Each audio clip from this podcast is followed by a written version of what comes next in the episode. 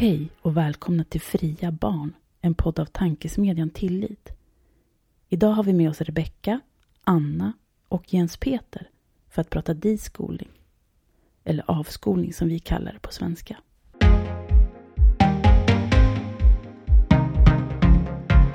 Vad är diskolning? Ja, det är, det är olika processer som sker. Dels i ett barn när man slutar att gå i skolan och sen eh, i föräldern som jag har fått vissa idéer väldigt starkt med sig från sin egen skolgång och från samhället i stort kring vad skola är och vad det bidrar till i en människas liv. Och sen så i stort också samhället kan eh, behöva avskolas som, eh, som den personen som myntade det här uttrycket hävdade, deschooling.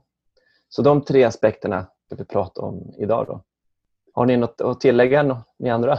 Nej, alltså jag tror att det folk känner mest till det är ju den diskolningprocess och det man pratar om liksom, som oftast när man pratar om, om det är ju barnets diskolningprocess. Eh, och det är väl också, ja, om man tänker på traditionen med omskolning, har det ju ofta varit barn som har, man har tagit ur skolan. Men sen tror jag också, nu är jag ju till exempel en förälder som kände till omskolning redan innan jag fick barn. Så det börjar ju komma generationer av människor nu där, där barnet inte kommer vara på samma sätt i en diskolningsprocess eh, eftersom att det aldrig kommer att gå i skolan. Så då är vi liksom inne i en helt ny generation eh, där det kanske kommer att handla mer om andra saker. Men traditionellt är det ju den processen barnet går igenom när man tar det ut. Och det kan ju vara ett barn som har gått i skolan ett år, det kan också vara en tonåring eh, som har gått i skolan under hela sitt liv och nu liksom ska upptäcka en värld utan att gå i skolan. Har du någonting att tillägga Rebecka? Ja, alltså jag tänker att eh, det här är ju ett ämne som är väldigt okänt. Alltså de flesta människor jag känner, de har ju ingen aning om vad avskolning eller deschooling är eller vad det står för. Eh, och det är ju därför att vi är så insnöade i våra egna liv. Alla lever ungefär likadant och man ifrågasätter inte överhuvudtaget sin egen livsstil utan det är liksom bara, det, det rullar på. För mig så kickade det här igång väldigt starkt när jag flyttade ifrån Sverige. När jag plötsligt fick ställa liksom allt som jag trodde var eh, sant eller allt som jag visste hur det fungerade på huvudet. Och, ja, men det, var en, det var en otroligt intensiv process och den har hållit på nu i 17 år och den fortsätter ju därför att så präglade är vi ju av att ha vuxit upp på ett visst sätt som delar av ett samhälle och då som skolan som någon slags eh, fordon för att skapa medborgare som fungerar i det samhälle som existerar redan. Men kan inte du berätta om din erfarenhet av deschooling? Det är ju, det är ju två, det är två olika saker. Eh, dels när jag då flyttade, det som hände mig själv, fast jag förstod ju inte att det, att det hade ett namn ens. Jag visste inte att det var, att det var deschooling jag började göra. Eh, när man flyttar till ett land där man inte pratar språket särskilt bra, där man inte känner någon, där man inte vet hur någonting fungerar, då ska man nog försöka överleva. Framförallt när det är ett land som egentligen inte har, det har ju inga, eh, det har inga jobb. Det är inte så att det finns jobbmöjligheter här, utan du måste liksom du måste plötsligt ifrågasätta hela dig själv, vem du är, vad du kan, vad du gör. Eh, och hitta sätt att leva på trots att samhället inte liksom består av jobbmöjligheter eller arbetsförmedling eller försäkringskassa. Då blir det ju plötsligt så att man måste kliva utanför sin trygghetszon. Man kliver utanför allt det som man trodde eh, man var. Och det är ju en, eh, en stor del av D-schooling. Man ifrågasätter man ifrågasätter den man är, man ifrågasätter hur man lever, man ifrågasätter sina reaktioner, sina tankar istället för att bara gå på automatik. Sen eh, den andra processen som för mig har varit otroligt spännande att observera det är ju eh, min son som idag är 14 år och som han började ju i en skola som jag startade åt honom tillsammans med ett par andra familjer.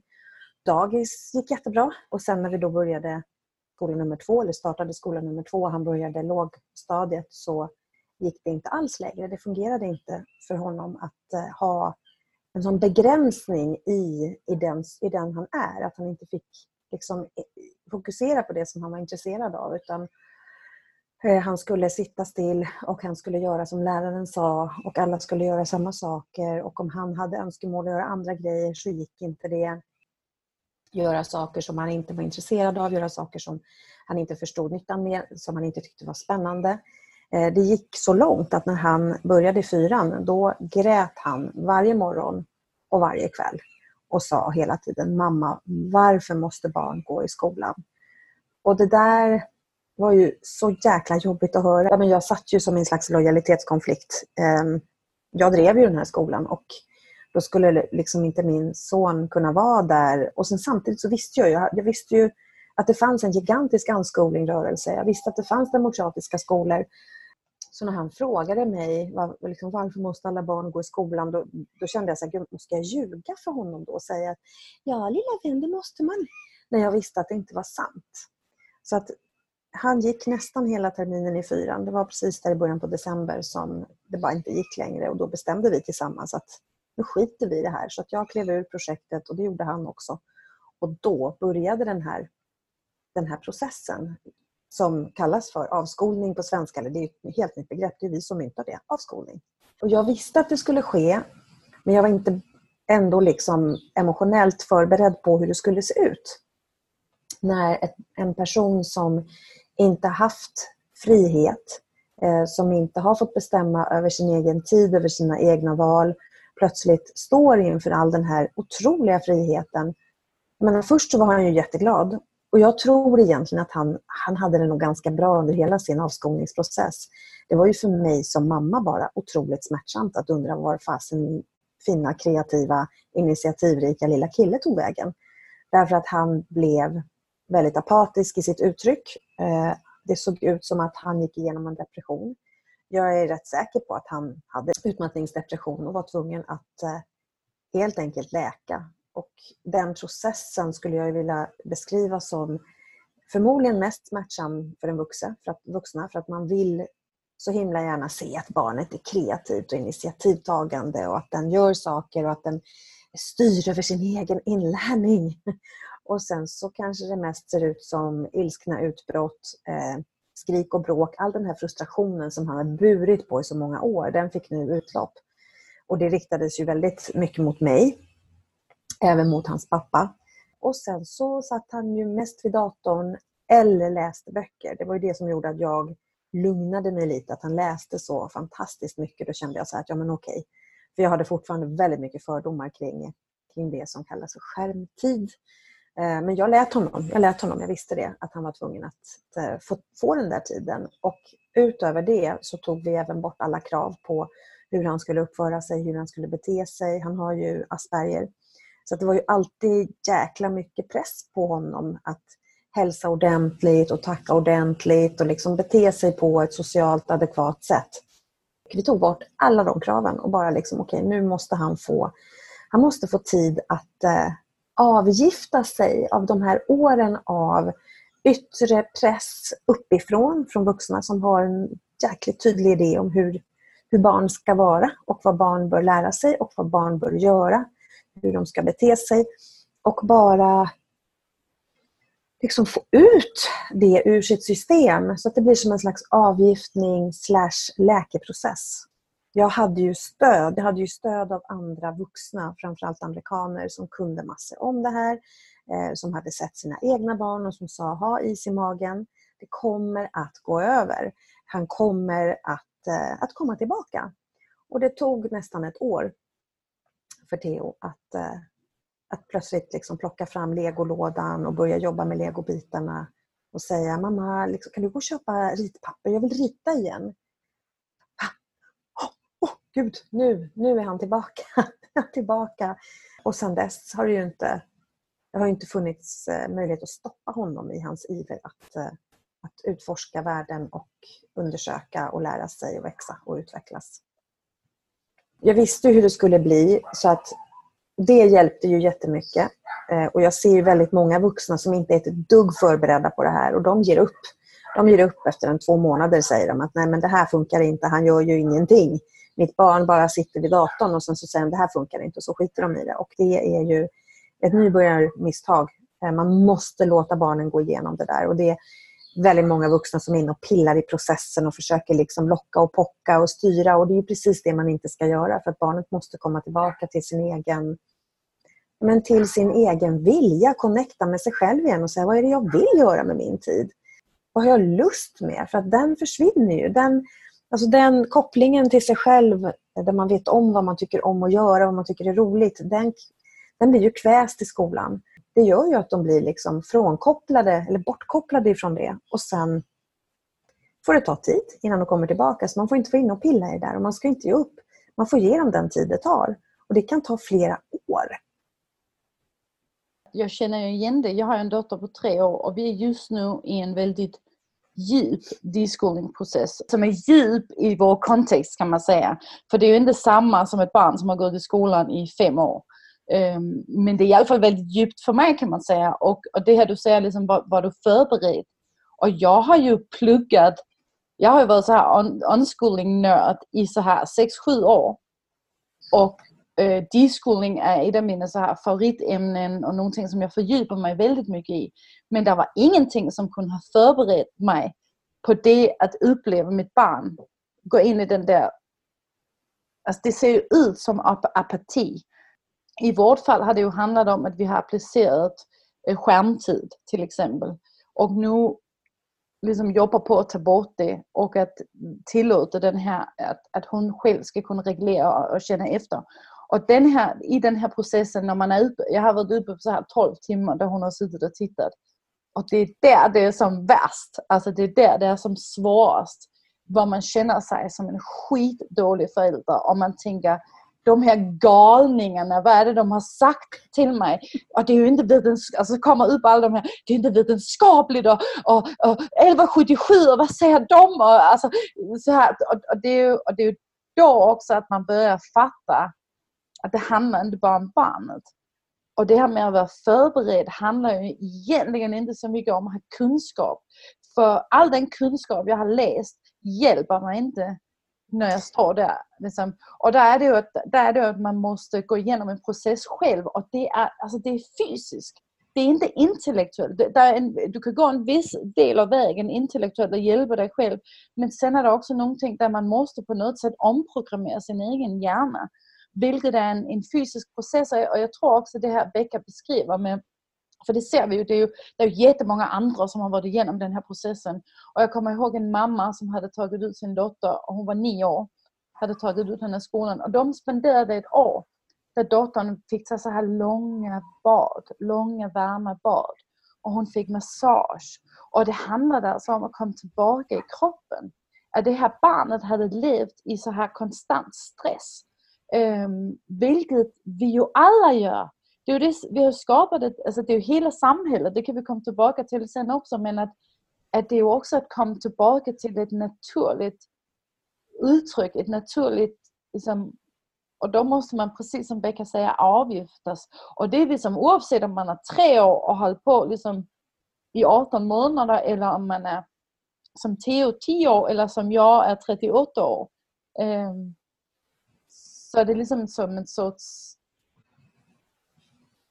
vad ska man säga, en process som, som man måste igenom. Och där det är så viktigt att man har stöd, upplever jag också. Det, det, det är liksom avgörande. Jens Peter, vad har du för, för förhållande till avskolning eller diskolning när det kommer till barn? Ja, mina barn har inte gått igenom den processen särskilt mycket. Um, Zoe gick bara ett år i konventionell skola. Däremot så um, har jag själv behövt avskola mig i, i det. Och jag, kan, jag kan prata lite mer om det eh, strax. Jag ville bara ta en anekdot först från Zoes eh, skola, den demokratiska skolan som Zoe och Sasha går i och har gått i. Där det fanns en liten pojke som var tio år gammal som kom från en Montessori-skola eh, där han inte hade trivts alls. Och, ehm, kom till den demokratiska skolan i, Brooklyn och bara satt ett år på bakgården och påtade i en lerpöl. Och det fick han göra. Och sen efter ett år, då han kanske blivit 11-12, så sa han att jag vill bli arkitekt. Varpå han liksom började studera matte då, för det behöver man göra om man ska bli arkitekt. Och eh, så småningom skaffade han praktikplatser eh, på arkitektkontor. Eh, och när han var då 17-18 och eh, gick ut ur Brooklyn Free School, då hade han haft, eh, varit på fyra, fem olika praktikplatser, föreläst inför 400 arkitekter och kom in på liksom 11 stycken arkitektskolor runt om i USA. Så kan processen se ut om man liksom tillåts att hitta den här inre motivationen och har stöd också. Stöd i tillit i att det tar tid och sen stöd i att nå de målen som man sätter upp för sig själv.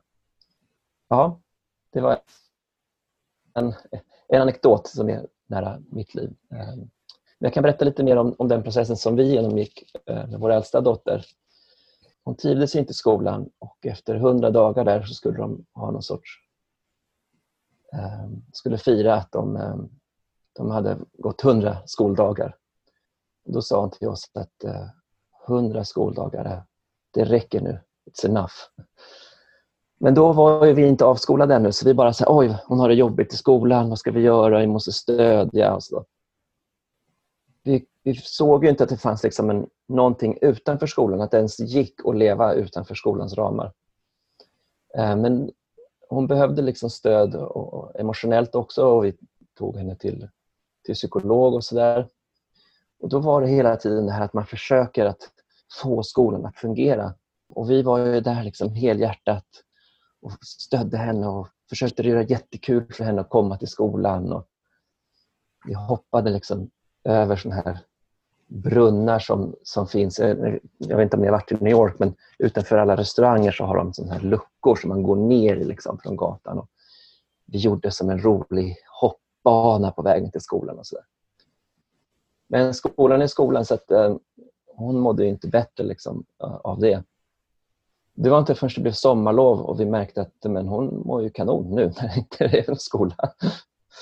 Eh, så vi bara fattade beslutet att nej, men hon ska inte gå i den här skolan mer. Sen har det varit då en, en lång process för oss själva att så här, våga släppa liksom att, att det ska vara på ett visst sätt.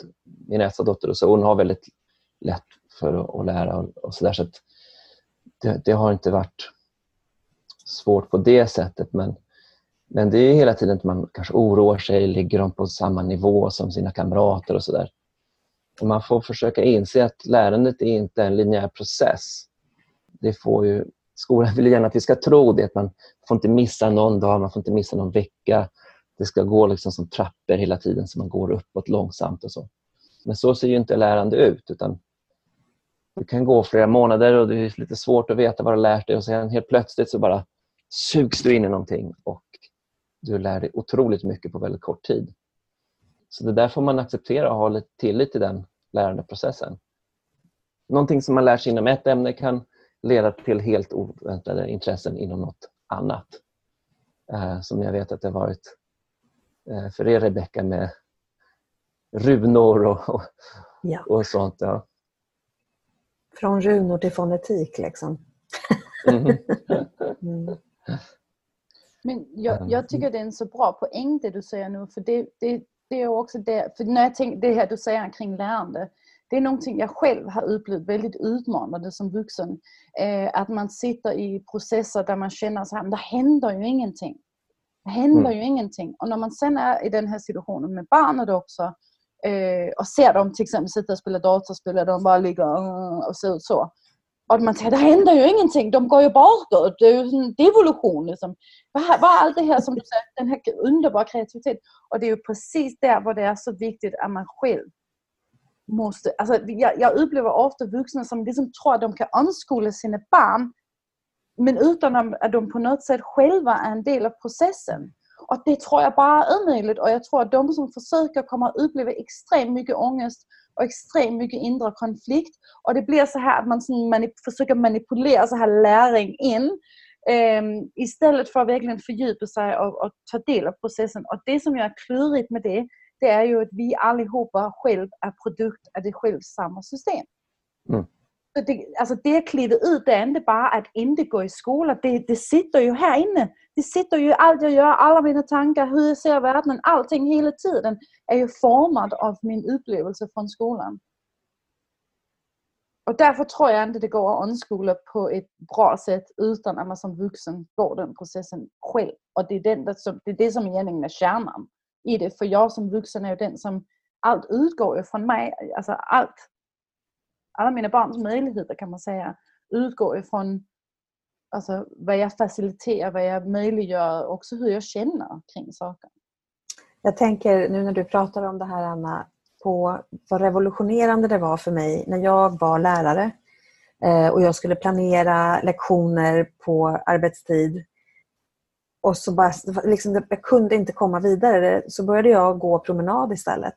Gick ut 20 minuter, en halvtimme och bara gick. Och när jag kom tillbaka så var det alltid så att det bara... Det var så enkelt att strukturera upp. Det var så otroligt tydligt.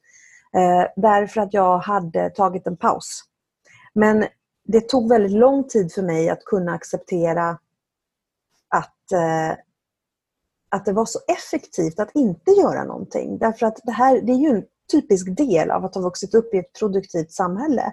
Det är att man hela tiden ska vara aktiv. Och att det, det är liksom den här aktiviteten och produktiviteten som är bevis på att vi är lyckade människor och ansvarstagande. Och ibland så är det ju precis tvärtom. Man behöver släppa taget, vila hjärnan, göra någonting helt annat. Men det är ju ett, ett litet, litet exempel på, eh, på den här processen för oss vuxna. Att, att förstå att det behöver inte alltid vara så otroligt produktivt.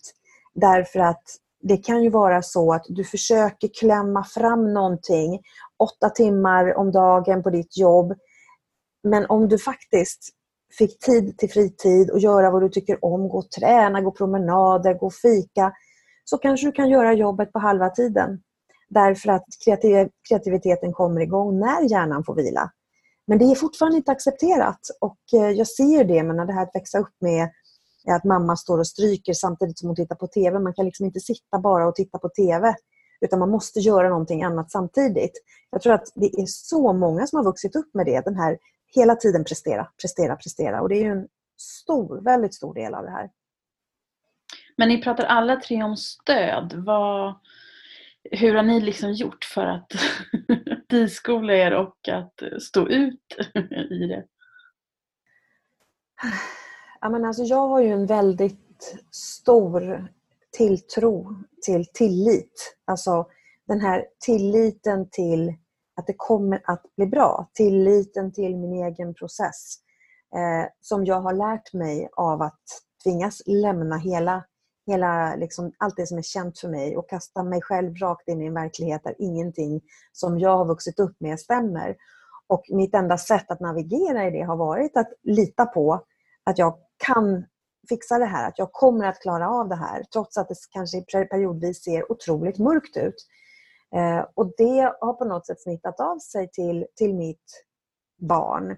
Och att ja, men den här tilliten till att en, en barn lär sig att prata, tilliten till att han faktiskt lärde sig tre språk som liten.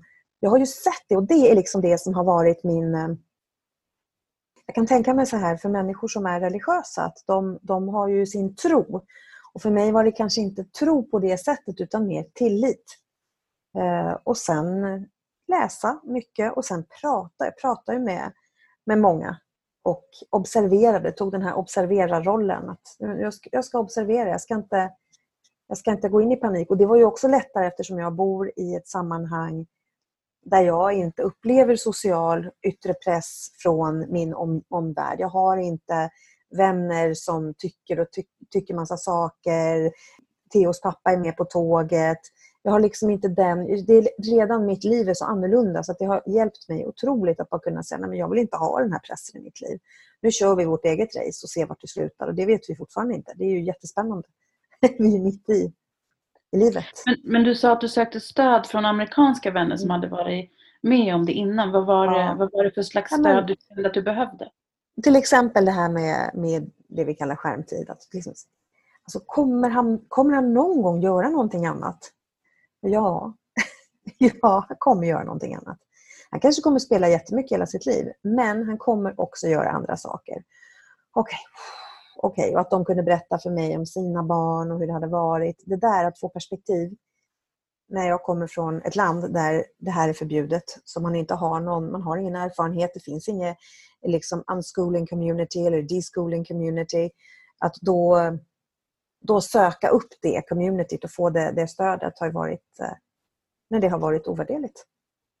Ja, alltså det finns ju människor som har unschoolat och då också deschoolat sen 70-talet, eller man kan säga sen 70-talet, 80-talet. Och då, då är ju också barn som är vuxna. Och vi ska ju göra ett, ett, en podd av episod också med, med vuxna som har undskolats som barn. Så man kan säga att vi är ju faktiskt där, där det kommer nästa generation också nu, vilket är jättespännande. Eh, och de här är riktigt erfarna. Där finns ju en del som, som gärna ger råd och stöd. Eh, framförallt först och främst kan man säga från USA, för det var ju där det började. Eh, vi har också i Danmark ett litet, eh, väldigt litet unschooling community. Där är en 3, 4, 5 stycken som har unschoolat sedan början på 90-talet. Ehm, jag använder väldigt mycket Facebookgrupper och ofta är det bara att gå in och läsa. Eh, jag pratar kanske inte men jag får väldigt mycket ut av att läsa och söka eh, på olika ämnen. Och jag upplever också för min del som, som dansk, som dock bor i Sverige, att vår, alltså man kan säga, vår unschooling, deschooling kultur i Skandinavien är fortfarande för ny.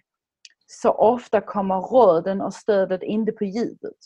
Det gör det i de amerikanska grupperna eh, eller internationella grupperna där folk har så här riktigt gedigen erfarenhet det är inte alltid positivt bara. Eh, så man får liksom välja. Men jag upplever i våra grupper är det fortfarande, speciellt när vi pratar diskolning, är det fortfarande lite på ytan. Eh, där jag till exempel nu i min process måste söka de amerikanska grupperna för, för det är bara där jag kan få det. Alltså, vi pratar om så här riktigt små nyanser i hur man tänker, hur man pratar om sakerna eh, där du inte ser är du fiktiv? Och det är ofta så här man försöker manipulera eh, øh, kring, eh, øh, till exempel om vi tar det här exemplet med skärmtid. att jag då är så här, ja ah, men eh, det kanske hade varit bra om hon hade gjort någonting annat. Där de då säger, jaha varför det? En skärm är bara ett redskap. Varför pratar du ens om skärmtid? Ska vi då också prata om pappertid? Och papper kan liksom vara uppsatser, toapapper, eh, ritpapper. Alltså så. Och det var en poäng när jag läste det. Och så, aha! Och det är ju sant. Men det är sånt som ofta inte kommer upp än. Alltså, och där är vi ju kanske vi är lite för, man kan säga, vi, vi skandinaver är fortfarande i processen och, och också håller på att skapa ett, ett nätverk. Alltså det, det har kommit jättemånga familjer till under de senaste fem åren. Så det börjar ju um, det börjar ju att komma. Uh, och, sen, och sen, ja, sen vill jag också bara säga det som Becka sa innan med det här med omgänget. För det känner jag också jättemycket att jag, om, min, alltså jag omger mig inte heller med alltså ett stort nätverk av människor som pratar väldigt illa om den vägen jag har valt. Och det i sig själv kanske vi kan komma tillbaka till för det är också speciellt hur man hanterar det um, när folk är väldigt kritiska, speciellt kanske här i Sverige där det är väldigt svårt för många människor att förstå det, det, det livet vi har valt.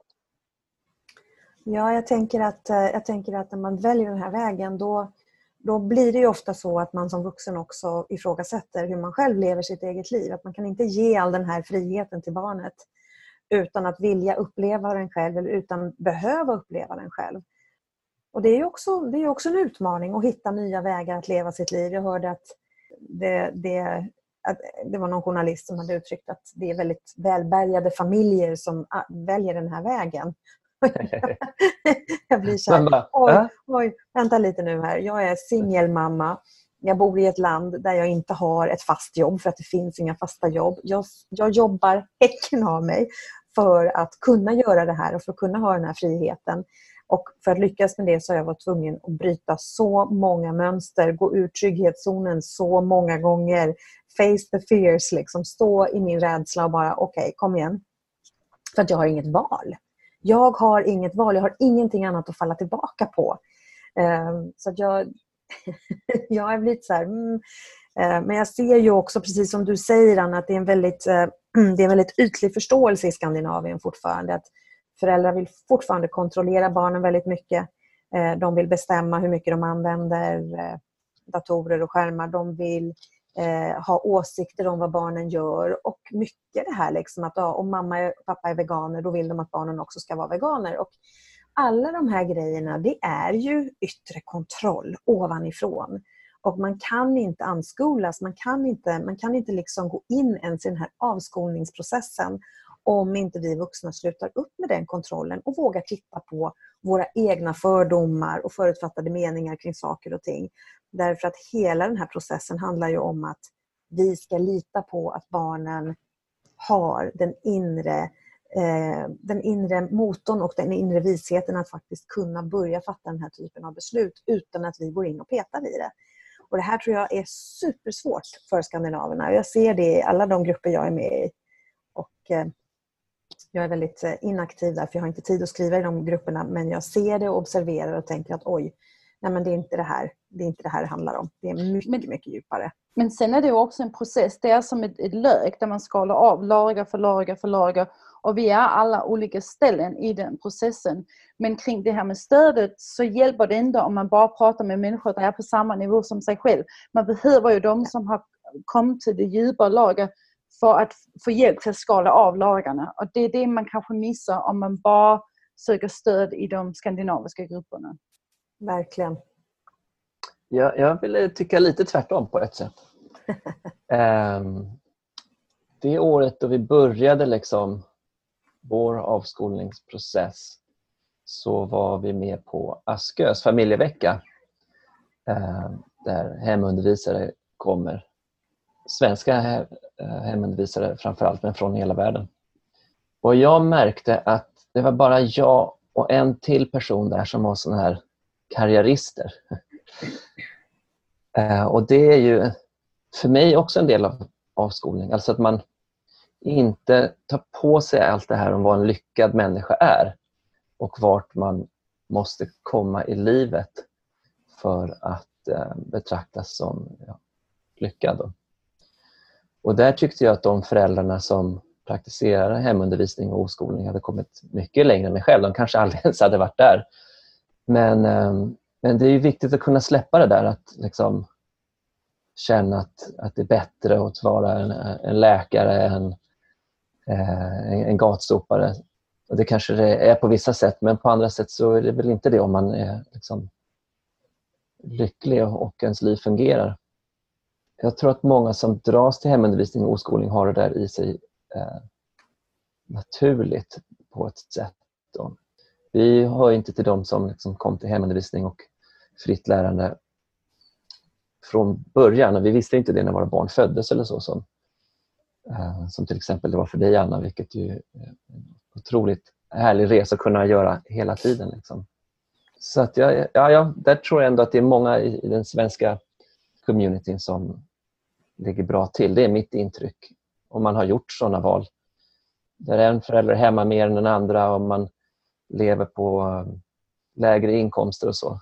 Så att den här forskaren i, TV uttryckte att, att det var välbärgade familjer som valde detta så är det ju rent felaktigt om man inte tänker på ett eh, kulturellt kapital. För det kan, det kan stämma liksom att, att man har en djup filosofisk grund att stå på i, i många fall. Och, trygghet i sina familjerelationer möjligen. Och så. Men tänk dig också några av de här familjerna du beskriver, de har ju säkert varit helt ensamma. De kan även mm. ha gått de här processerna utan ens att känna till den amerikanska rörelsen för att det har kommit så här helt inifrån som någonting som helt instinkt, instinktivt. Som du också säger, de kanske inte ens har gått en deskolningsprocess för de har bara liksom men jag bara föreställer mig att sitta sådär i Småland eller du vet, i Dalarna någonstans och så bara liksom och du känner ingen där, ingen omkring dig, där ingenting. Alltså, och, och, och där jag, eller vad kan jag säga, där jag blev född i unschooling-rörelsen, jag blev född in i en kultur där det finns ändå mycket. Så det jag pratar om är också kanske mer de nya, alltså det är väldigt intressant att se hur det är när man börjar prata om saker och börjar ge det namn. Det är också där det kan bli, alltså börjar det komma alla möjliga tolkningar och förtolkningar och det börjar liksom att, men de kanske levde det mer rent på något sätt. För de hade inget val, de fick bara följa sin instinkt. Mm. men vad, vad, tror ni är det jobbigaste som anhörig eller vårdnadshavare eller till den närmaste kretsen till och med under en deskolingprocess?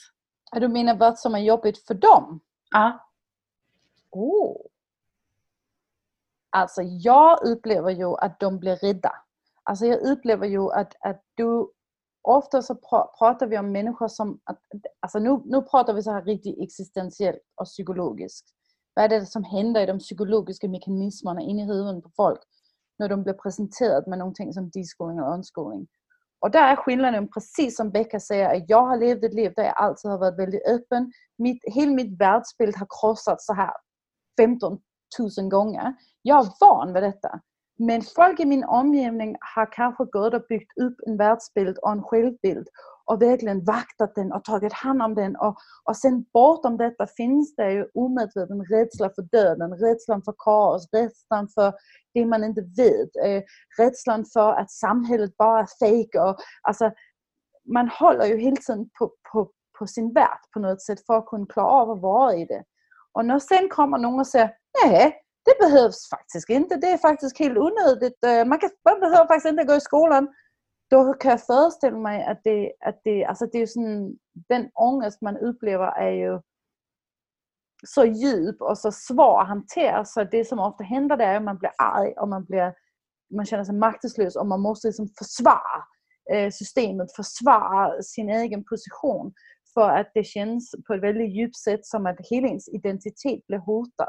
Och det är det här med den här lager på lager-processen. Man måste vara någonstans i sin psykologiska utveckling där man kan hantera alltså det som, som, som ju också är sådan, vad ska man säga, den e- existentiella implikationen av omskolning. Till exempel att du har ansvar för ditt eget liv. Du kan bestämma över ditt eget liv. Bara någonting sånt. Speciellt här i Sverige tror jag kan vara väldigt svårt och, och skapa väldigt mycket ångest i en person. Jag håller, jag håller med om det. Att det är, jag, jag, tycker att du beskriver det så fint, Anna, och du beskriver det väldigt brett också. Eh, därför att Sverige är ju så tryggt. Det är så otroligt tryggt. Allt är så förutbestämt och det är väldigt svårt att misslyckas. Det är väldigt svårt att det ska gå åt helvete för Då får man, det, det, liksom, eh, det finns så mycket stöd runt omkring i samhället men det stödet är ju inte villkorslöst utan det bygger ju på att du är en del av systemet. Att du är en, en, av, en av kuggarna eh, så att allting eh, hänger ihop. Om man då till exempel ser att ens barn inte mår bra i skolan. Man ser att barnet far illa. Man ser att barnet blir skolskadat. Och de här, man kommer på de här tankarna att nej, men det här, jag vill inte ha mitt barn i skolan längre. Och så säger man att nej men okej, vi börjar förbereda för en flytt. Vi åker härifrån. Och så åker man utomlands för att kunna ge sitt barn den här friheten, då har man ju fortfarande inte nödvändigtvis överhuvudtaget konfronterat sina föreställningar om vad inlärning är, hur det ser ut när man lär sig på ett naturligt sätt, varför man eh, bör lära sig vissa saker och inte andra saker, varför man har de här... Vi har ju alla programmeringar av vad som är, vad som är viktigt att kunna. Eh, det är därför som det finns eh, läroplan och kursplaner. Därför att vuxna människor har väldigt mycket förutfattade föreställningar om vad det är man måste kunna för någonting. Och eftersom man då, alla, vi har ju alla gått i skolan, så är vi ju totalprogrammerade av hur det ska se ut när man lär sig. Man ska vara fokuserad, det ska vara lite allvarligt, kanske ska det också vara lite tråkigt. Man ska gärna sitta ner och hemskt gärna liksom börja och avsluta. Det, liksom, det ska finnas en rak linje det är ju inte så inlärning ser ut. Det där är ju inlärning i en skolmiljö. Det är inlärning i en artificiell miljö som då är skapad för att vuxna ska styra över vad det är barn lär sig. Och när barn inte själva får välja vad det är de vill lära sig utan blir tvingade, då försvinner ju lusten, då försvinner glädjen, nyfikenheten och lära sig blir någonting som är tråkigt. Och därför behöver vi då läxor för att eh, pusha det här lite extra. Och vi behöver kontroller i form av prov och vi behöver en liten morot i form av betyg. Allt det här är ju alltså yttre kontroll, vad ska man kalla det för? Vad heter det? extrinsic motivation, alltså motivation som kommer utifrån, eh, som bygger ju på eh, straff och belöning i stort sett. Och när ett barn får kontakt med sin egen lust och den motivationen kommer inifrån istället, intrinsic motivation, då ser det fullkomligt annorlunda ut. Barn leker, barn skapar, barn tar initiativ som för vuxna kan se ut som bara lek. Men då är det också den här stora missuppfattningen, bristen på kunskap, ignoransen skulle jag vilja säga, att det faktiskt är i den helt fria ostyrda leken som barn lär sig allra mest. Så att alla de här föreställningarna som vi har kring hur inlärning ser ut, vad det är man bör lära sig för att bli en lyckad varelse, allt det här bygger ju på vår egen skolgång. Det i kombination med en otrolig rädsla för hur det ska gå för våra barn. Alla vill vi ju att det ska gå bra för våra barn. Och då har vi ju blivit programmerade, indoktrinerade att tro att det sker genom att man går i skolan. Att skolan på något sätt ska kunna garantera mitt barns framgång. Men det är ju, alltså det är ju bara, det är inte sant. Det stämmer ju inte alls. Men vi har den programmeringen och vi är indoktrinerade på det sättet. Så det är jätteviktigt att kunna titta på de här sakerna. Och hur ska man få stöd i det? Var någonstans kommer det stödet ifrån? Det, det är ju jättesvårt och det är den typen av saker som vi, som vi då måste ja, på något sätt faktiskt konfrontera oss med. För mig har det varit, det har varit fantastiskt, inte bara att ha Theo utan faktiskt också ska starta och skapa ett Agile Learning Center som ju är en slags demokratisk skola och få den otroliga förmånen som ju, jag vet inga svenskar som har den, att observera från små barn i tvåårsåldern upp till tonåringar hur det ser ut när de själva styr över sin egen inlärning och, och få liksom se på riktigt vad som händer och se också vad som händer när ett barn kommer utifrån efter att ha gått i skolan eh, och komma in i ett sådant system och vad som händer med de barnen och vilken process de går in i. Och att man så tydligt kan se skillnaderna mellan barn som har gått i skolan eller som går i skolan och går in i sin egen avskolningsprocess och de här barnen som är fria och som förhoppningsvis då får, har fått vara fria, kanske hela sina liv eller åtminstone längre. Så att man kan se de här skillnaderna och det, alltså, det är ju en fröjd. Det är ju helt otroligt att, eh, att, att kunna få observera det. Och det ja, jag, jag, känner ingen, jag känner ingen annan svensk som har fått den, som har fått den möjligheten. Mm. Du nämner en intressant du har en intressant poäng här i ditt resonemang Rebecka som, som jag hörde och det är liksom att skolan är ju ingen garant för framgång. Eh, när man väljer att hemundervisa eller skola så tar man ju ett väldigt stort beslut. Man tar ansvaret över sitt barns utbildning. Och Det är så mycket lättare att bara lämna över det ansvaret som skolplikten dessutom förordar till skolan. Men när du istället tar ansvaret själv, då hamnar ju allt på dig och det är ju det är en, en tung börda. Liksom. Men då ska man komma ihåg att skolan är ingen garant för framgång. Det, det blir ju det finns ju folk som har gått i, ut grundskolan och gymnasiet och blir knarkare och, och eh, ofrivilliga sexarbetare. Allt, allt möjligt dåligt som kan hända en människa ändå. Så att den tilliten är ju, ska man egentligen inte ha utan den är ju påtvingad från samhället. Men det är lätt att vara bekväm där och, och göra som, som samhället förordar. Och det, men det betyder inte att det alltid är rätt. Jag, jag tänkte bara snabbt liksom på det här om man, om man åker taxi i Spanien så är det, jag, jag, tror att, jag tror att Spanien har de mest välutbildade taxichaufförerna i världen. Alltså de har alla gått på universitet men det är ingen garanti för att de får jobb, ett annat jobb än taxichaufför. Och där kommer ju återigen en till grej in. Varför skulle taxichaufför vara ett sämre jobb än att vara läkare? Alltså, det här, alla, de här, alla de här tankarna, det är sådana tankar som man måste konfronteras med när man går in i en, en avskolningsprocess. Ja, jag läste en artikel om, om just läkare för det var flera år sedan. Att det är en av de mest olyckliga arbetskårerna. Um, för att de, de är under mycket press. Men teorin då, det var i Dagens Nyheter var att det är också en, ett yrke där man alltid måste gå vidare. Du ska vara överläkare i en viss ålder och sen så ska du vara, det är liksom flera steg sådär. Så att den här trappan tar aldrig slut. Och det är ju liksom skolan förlängd. Liksom du ska hela tiden gå vidare till officiella nivåer och är du inte på dem så är du inte lyckad. Det kan säkert finnas många anledningar till att läkare då enligt den här undersökningen var olyckligare än andra människor i gemen. Men, men bara för att man är läkare så betyder det inte att man, att man har fått ett bra liv. Just det där tror jag också handlar om rätt person på rätt plats. Och just med läkaryrket, där är det ju en sån grej som folk ofta blir för deras föräldrar vill att de ska bli det för det är prestigefyllt. Så jag tror det finns jättemånga läkare där ute som står och opererar och drömmer om att spela violin eller baka eller cykla eller undervisa. Eh, men som, alltså, det är många andra yrken där man kanske blir det av nöd men du identifierar inte med det. Mm. Ehm, och sen vill jag bara säga om, om det andra också att, att det tycker jag också är viktigt att säga att man kan ju som vuxen, man kan ju deskola utan att ha ett barn som omskola. Och man kan ju deskola sig själv och sitt barn, eller inte deskola sitt barn, men stöta dem i den processen även om de går i skolan. Um, och det handlar ju om att se på alla de skolade, inskolade, precis som Becka har kommit in på, de inskolade beteendemönster och tankemönster som är destruktiva och ohälsosamma och som hindrar oss i att leva vårt, alltså vår potential. Och den, precis som den här läkaren som står och hellre vill spela, spela violin. Den personen som man egentligen är, eller det, det man känner inuti är, är den, det riktiga jag.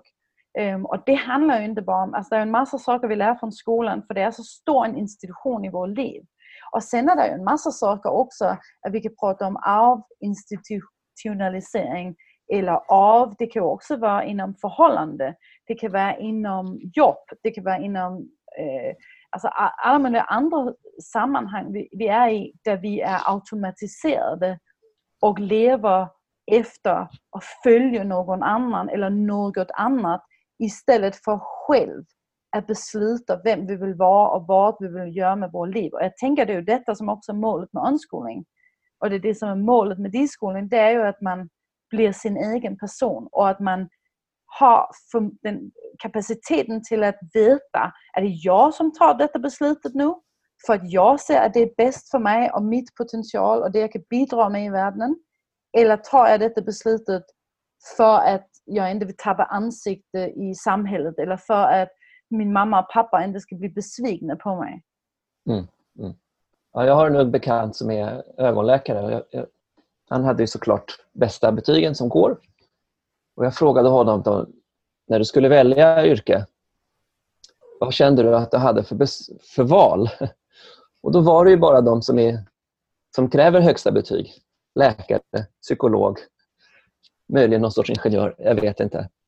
Då, det gör ju då att man egentligen inte har mer val för att du får bättre betyg utan i, i praktiken har du färre val.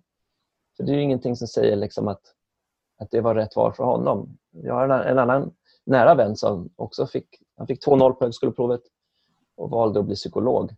Det har tagit honom många år att gå igenom den utbildningen för att egentligen är han intresserad av något annat.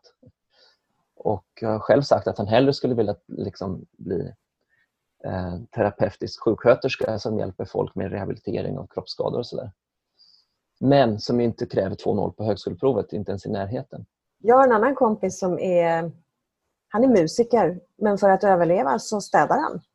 Och mm. Eh, det är hans jobb och han har överhuvudtaget inga problem med det. Han vill ju bara syssla med musik. Så att städjobbet är bara städjobb och det är ingenting konstigt med det.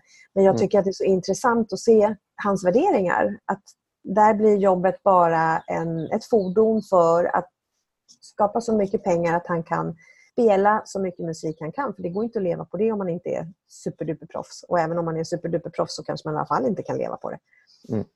Det finns så många olika vä vägar att gå. Vi är så programmerade vad som är rätt och vad som är fel, vad som är lyckat och vad som är misslyckat. Alltså det där är ju, det där är ju det är samhället som har skapat det.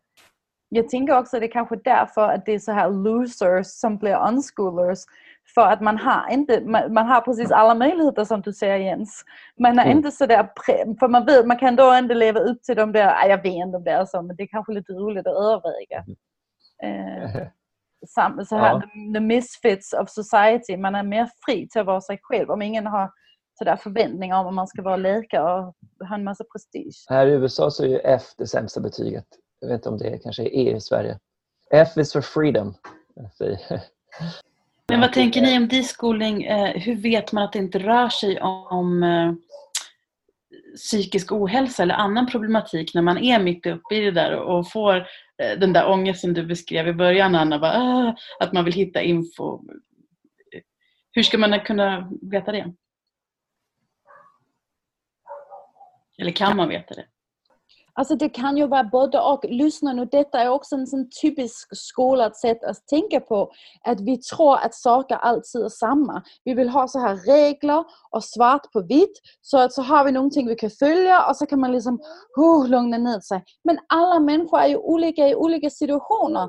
Det har ju varit situationer i mitt liv där jag kollar på en film för att det bara är asnice och nu vill jag bara slappna av. Och, mm. Så är situationer där jag gör det för att oh, det är någonting inuti mig själv jag inte riktigt vill titta på. Och, oh, jag kollar på den här filmen för att undvika det. Alltså hänger ni med? Det är ju helt olika från ögonblick till ögonblick, från dag till dag. Man måste, vi måste skapa förmågan att ha den kontakten och den relationen med vårt barn och med oss själva. Att man kan göra den bedömningen i ögonblicket. Och inte liksom, det är ju det som är omskolning. Det är, det, det är därför jag menar omskolning är den mest ansvarstagande föräldraformen. För att du du plötsligt måste kunna göra den bedömningen i ögonblicket och inte kan luta tillbaka på så här, men vi följer det här, vi följer WHOs föreskrifter och, så följer man liksom bara det i tio år. Och man måste gå och lägga sig klockan nio oavsett hur trött man är. Och det gör det också svårt. Jag kramar dig! Ja, det gör det. Jag tänker ju väldigt, väldigt mycket som du där Anna. Jag kan bara instämma i det du säger finns inga rätta svar på det sättet. Det, det enda rätta är att alltså verkligen knyta an till sitt barn, lyssna på sitt barn, lära känna sitt barn men även knyta an till sig själv och lyssna på sig själv. Vi blir ju så avstängda från vår intuition, vi vet ju knappt. Det finns inga rätta svar. Det är inte liksom att det här är som det är för alla utan det är otroligt individuellt. Och det är det jag, upplever ofta med, med skandinaviska föräldrar, att de verkar så Alltså det är så här, men 1177, in liksom, Vårdguiden, kolla. Eh, vad sägs det om amning? Vad sägs det om det ena? Vad sägs det om det andra? Att alltid få de här exakta svaren. Livet ser inte ut så. Livet består inte av en radda rätt svar. Men det är ju det som vi har fått med, med oss från skolan. Det finns ett rätt svar. Och det finns faktiskt ett facit också man kan kolla i. Så här är det ju inte i livet. Det finns inget facit och det finns inga rätta svar. Det finns många olika vägar att gå, många olika svar på exakt liksom liknande situationer. Och liknande situationer är nödvändigtvis inte exakt samma situationer.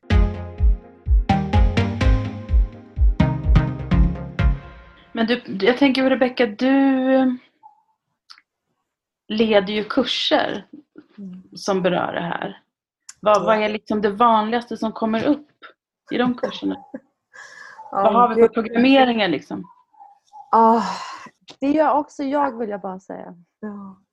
Det är ju, det är ju, jag har ju precis kommit, kommit hem ifrån en sån sju dagars heltidskurs. Och det är, det är ju en, det är ju, det är så spännande. Det är så otroligt spännande.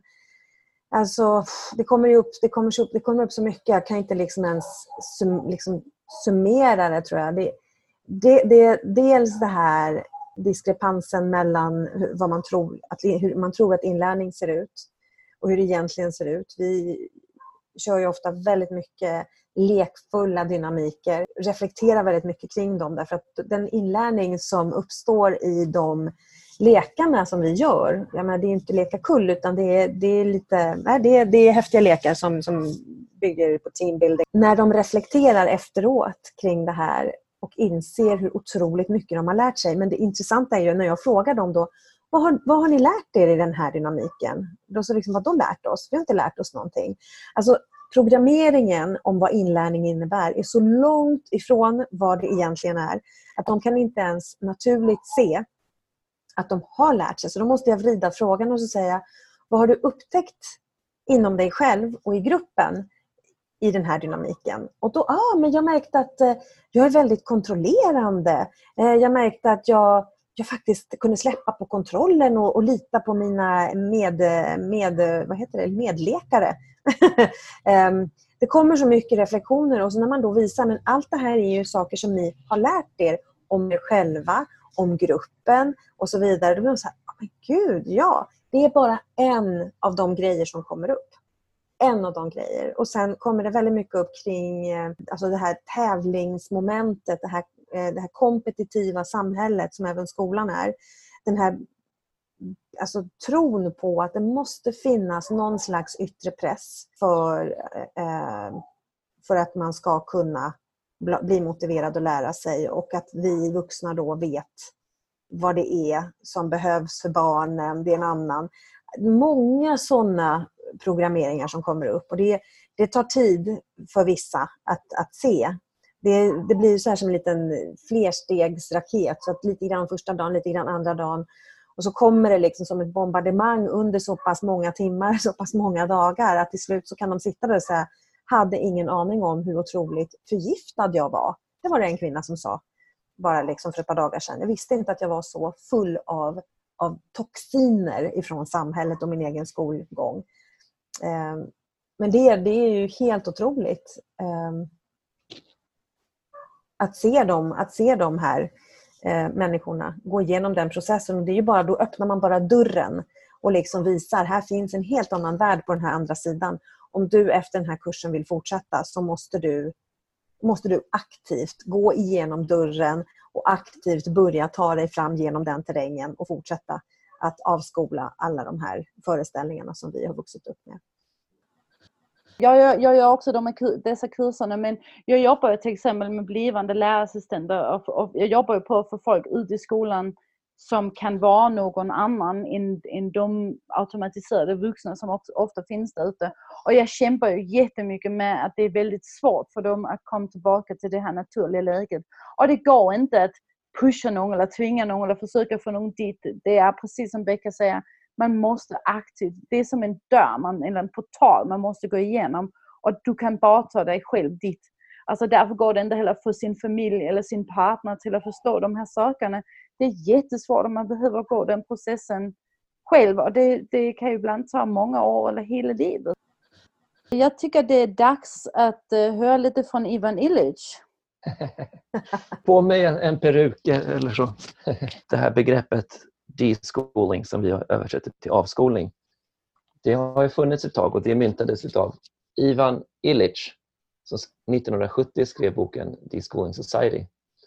Och Många av de sakerna som vi har tagit upp under det här samtalet eller under det samtalet som vi haft med, kring avskolning, de finns i den här boken redan. Han har ett lite bredare perspektiv. Han ser på, på samhället då som behöver avskolas. Och jag har eh, tagit fram några så nyckelidéer i den här boken som jag skulle kunna dra. Om ni vill så kan ni reflektera eh, kring dem om det är någonting som resonerar i er. Eh, ska jag köra då? Den första idén eh, är det som han börjar boken med också. Det att vad skolan gör eh, med oss är att vi blandar ihop process och substans. Och Det var ju du inne lite på Becka med, med det här att bara för att man sitter vid sin dator så tror man att man jobbar. Man kan ju lika gärna vara ute och gå eller någonting och så är det någonting som lossnar. Så då liksom i samhället i stort så blandar vi ihop skolgång med lärande och sätter likhetstecken däremellan. Och eh, det är uppenbart att så inte är fallet. Eh, om det är 17 procent av barn idag som går ut skolan utan eh, att, att klara liksom grundämnena så de blir inte behöriga. Det är uppenbart att, att det inte är samma att, att gå i skolan och att lära sig.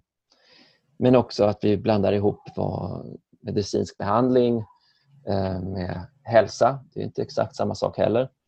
Eller att vi har fler poliser med att det är ett tryggt samhälle vi lever i. Eh, eller att vi har starkare militär med liksom nationell säkerhet.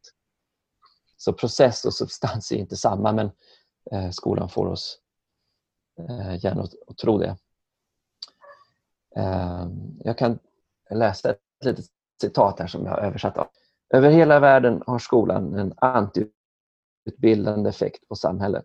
Skolan erkänns som den institution som specialiserar sig på utbildning. Skolans misslyckande uppfattas av de flesta som bevis på att utbildning är mycket dyrt, mycket komplext, alltid tråkigt och ofta en nästan omöjlig uppgift. Du säger wow Rebecka, vad, vad, tänker du när du hör detta? Nej, men jag tänker att det är en käftsmäll. Mm.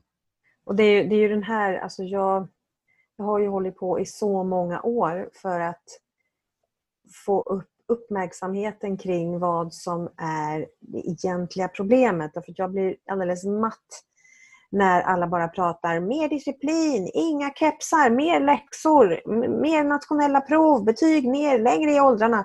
Alltså när jag hör de här grejerna så blir jag bara så här, men det är inte det det handlar om. Alltså, diskussionen kring skolan måste föras på en helt annan nivå och det som du just har läst upp är ju den nivån som vi måste prata om. Ja, men det är en vanlig reaktion nu när skolan fungerar sämre. Ja, men då behöver vi mer skola, kortare sommarlov, mer läxor, mer uppföljning. Och vi frågar inte frågan varför fungerar inte skolan och varför fungerar den allt sämre?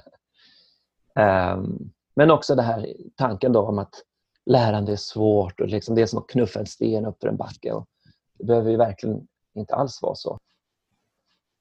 Det börjar bli dags att avsluta. Vad, vad tänker ni? Har ni någonting ni vill eh, som ni känner att ni inte har fått sagt? Nej, i så fall skulle jag säga att det vore kul att göra ett nytt avsnitt om Ivan Illich eh, och några av hans tankar som, som man har i boken Deschooling. Mm. Jag får lite, så här, lite ångest eftersom jag upplever att det är som att öppna Pandoras ask. Det bara väller ut fler teman att prata om. så jag så här, hur, hur drar vi in det här? Hur, hur knyter vi ihop säcken? Jag, eh, ja, jag vågar inte öppna någonting mer nu. Jag bara känner att det, vi, har, vi har täckt väldigt många teman och ändå så finns det så mycket mer att prata om.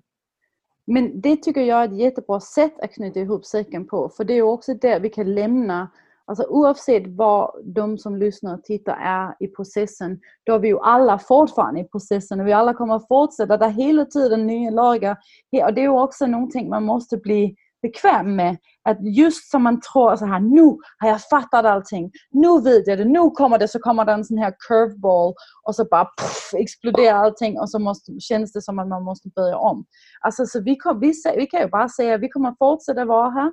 Vi kommer fortsätta belysa de här ämnen. Vi kommer fortsätta försöka komma in till kärnan och komma på djupet med de här ämnen och hjälpa och ge stöd så gott vi kan.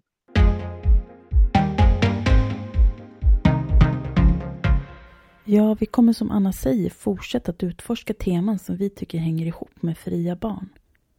Och det vore jättekul om ni vill diskutera avskolning med oss. På sociala medier hittar ni oss som Tankesmedjan Tillit och på vår hemsida tankesmedjantillit.se har vi gjort en bloggpost med lite tips från oss om ni blir sugna på att utforska avskolning mer. Tack för att ni lyssnade.